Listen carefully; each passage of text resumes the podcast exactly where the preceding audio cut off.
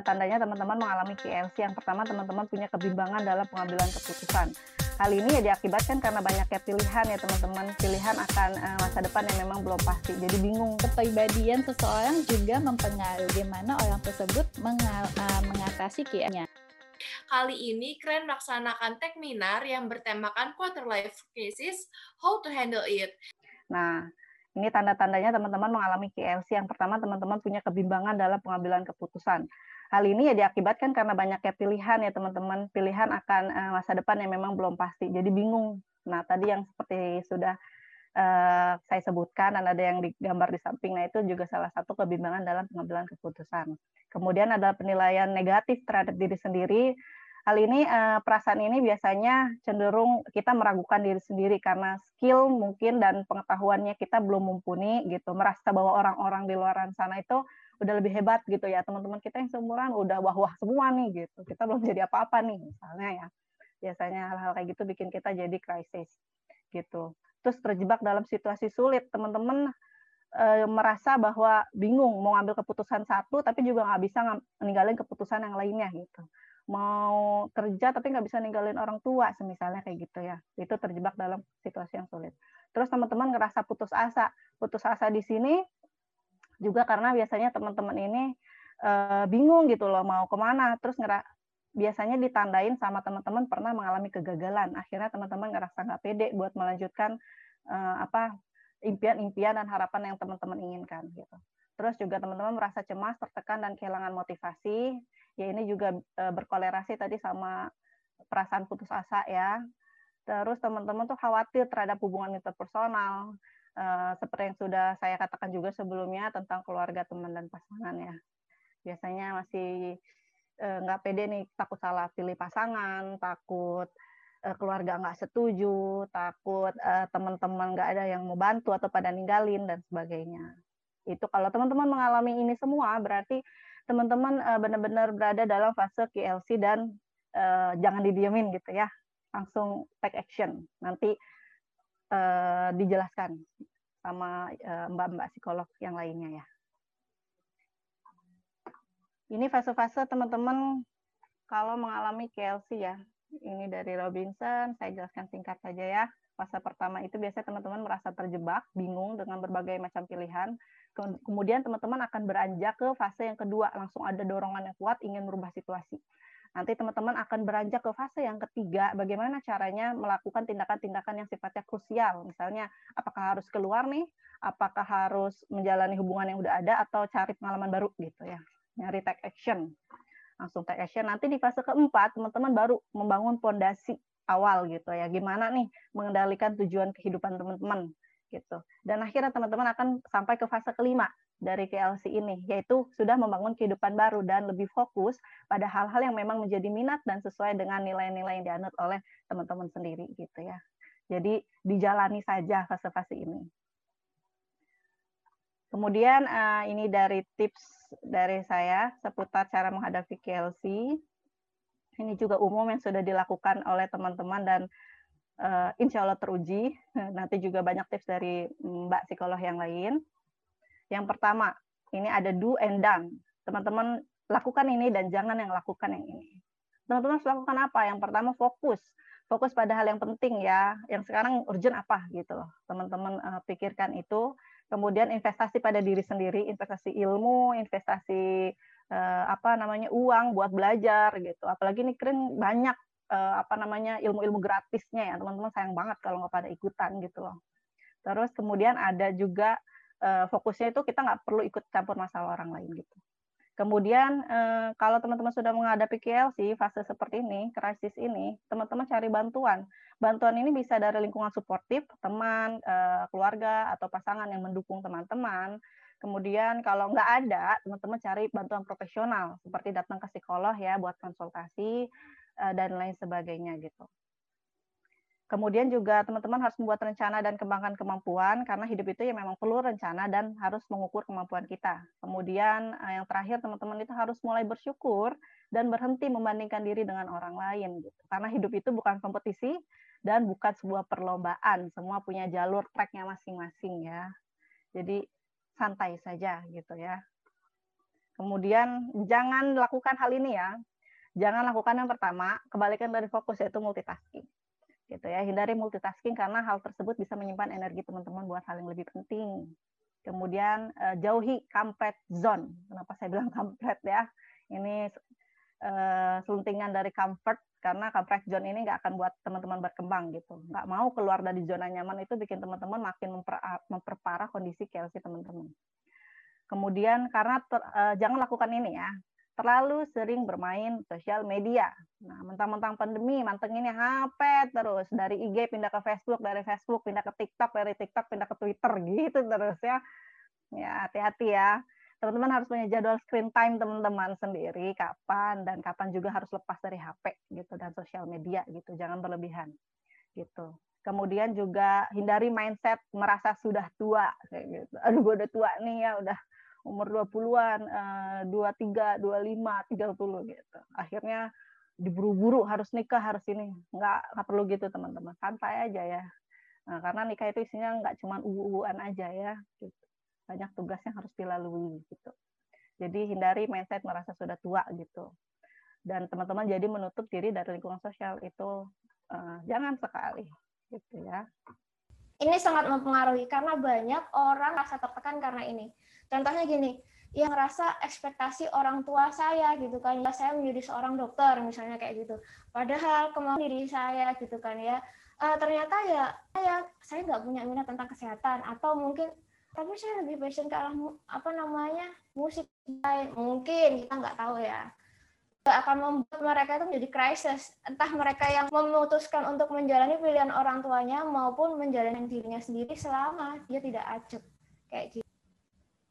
Nah, ini yang tadi saya jelaskan secara umum tentang harapan orang tua, kondisi fisik dan kematangan biologis karena memang eh, masa-masa 20 tahunan itu apa ya hormon-hormon itu lagi bergejolaknya. Karena kan dia menuju dewasa terus kemudian dampak media massa tentu sosial ini pengalaman ajaran agama masalah ekonomi keluarga. Dan di ini juga kita itu dihadapkan yang namanya kenyan teman-teman. Artinya apa? Mungkin sejak kecil ditanamkan oleh nilai A gitu kan ya. Tapi ternyata kita melewati fase 20-an kita lakukan pada oh lingkungan itu tidak selalu A gitu.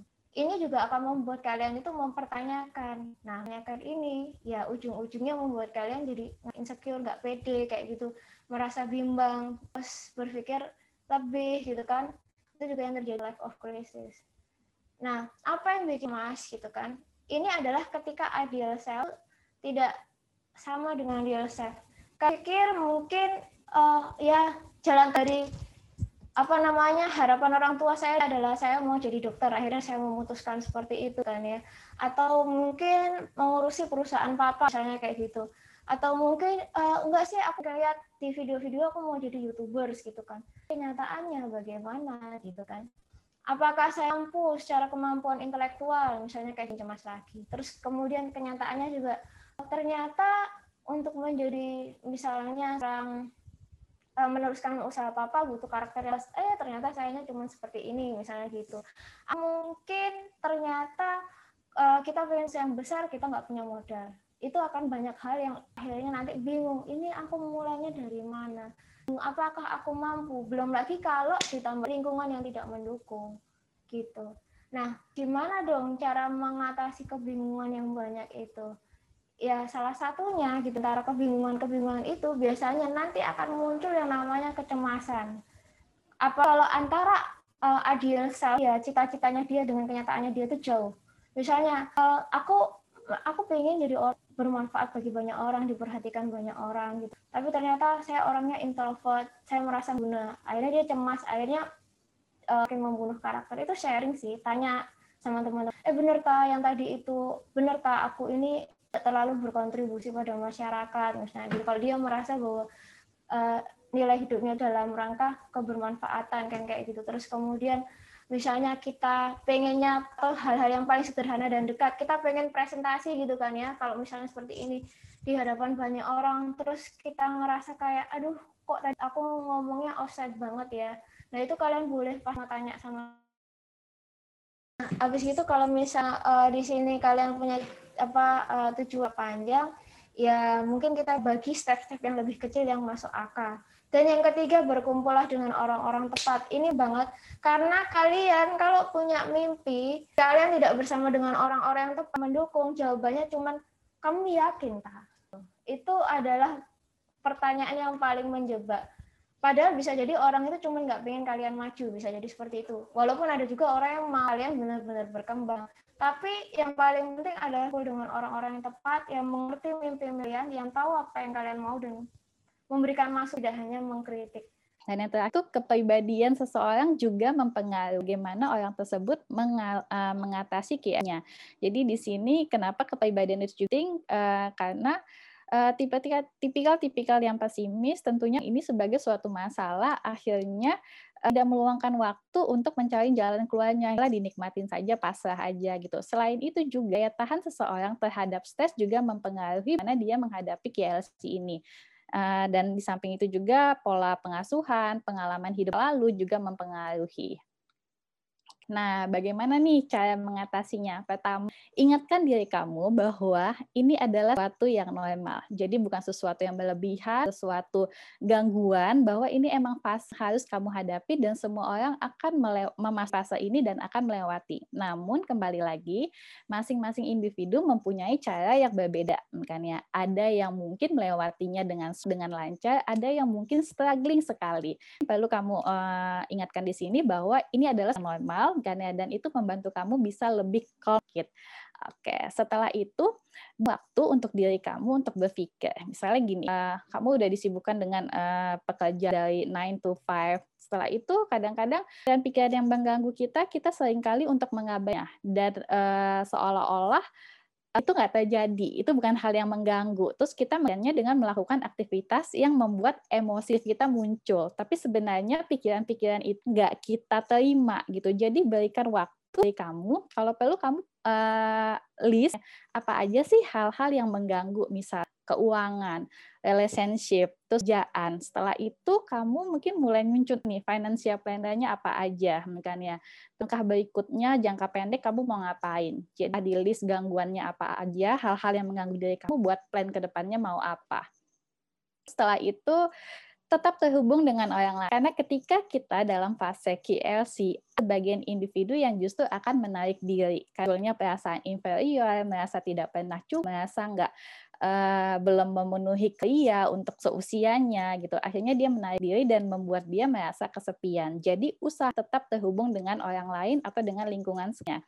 Karena perlu diingat bahwa manusia adalah manusia dan sebenarnya ketika teman-teman berhubung dengan uh, orang lain atau bahkan mungkin berdiskusi, teman-teman bisa mendapatkan perspektif yang berbeda atas permasalahan atau atas kondisi yang teman-teman hadapi.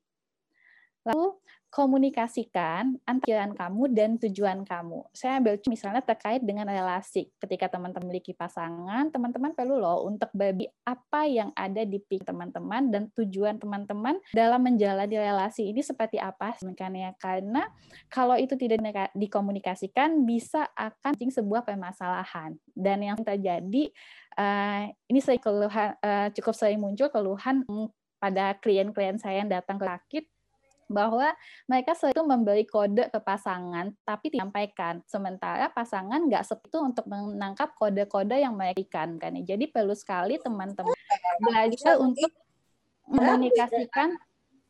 So, yang belum di mute. Belajar untuk mengkomunikasikan apa yang teman-teman pikirkan dan tujuan ke depannya itu mau apa. Ini juga nggak cuma berlaku dalam hubungan atau relasi dengan pasangan saja tapi juga berlaku dalam hubungan di dalam kerjanya lalu jangan pernah takut sebuah perubahan. Ketika teman-teman menyadari kalau teman-teman butuh perubahan, kan memang perubahan itu memicu level kecemasannya meningkat ya, kan ya. Tapi uh, perlu teman tahu di sini bahwa emosi yang teman-teman rasakan seperti cemas, takut itu adalah sesuatu yang valid, sesuatu yang teman-teman buat-buat, kan? Tapi memang itu benar-benar uh, ada. Namun perlu diketahui bahwa emosi atau perasaan itu muncul akibat adanya sesuatu yang menjadi trigger yaitu pikiran. Emosinya itu valid, perasaannya itu valid, namun pikiran yang ada di dalam kepala teman-teman itu tentu valid. Itu yang mesti kita patahkan sebenarnya. Jadi uh, setiap manusia atau setiap individu itu di otaknya itu sudah punya asumsi-asumsi sendiri. Nggak masalah sih. Asumsi itu bisa terbentuk akibat apa? Pengalaman masa lalu, makanya sehingga asumsi tersebut yang membuat kita jadi khawatir. Wah, kalau lakukan ini nanti jangan-jangan kejadiannya seperti ini. Kita akhirnya menjadi stuck. Jadi kita perlu sekali untuk mematah asumsi-asumsi tersebut. Cara mematahkannya gimana? Ya harus dibuktikan dengan cara dicoba. Mau nggak mau gitu.